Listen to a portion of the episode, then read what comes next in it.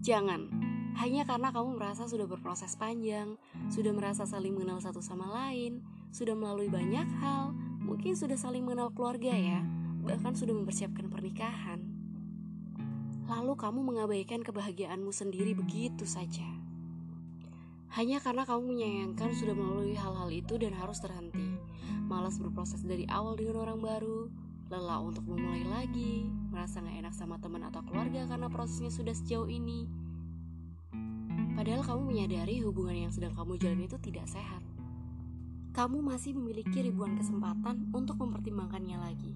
Sudah berkali-kali dicoba temukan solusi dengan saling terbuka satu sama lain, dan ternyata masih dengan pola yang sama tidak ada perubahan sama sekali.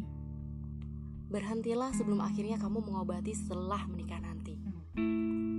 Karena mencegah selalu jadi cara terbaik untuk menyayangi diri sendiri terluka di kemudian hari. Jangan takut, orang-orang di sekitarmu akan memahami dan mengerti.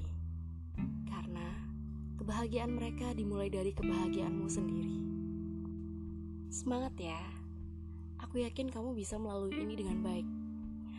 Aku doakan semoga segala upayamu mempertemukanmu pada tangga kehidupan yang lebih baik daripada sebelumnya. We love you.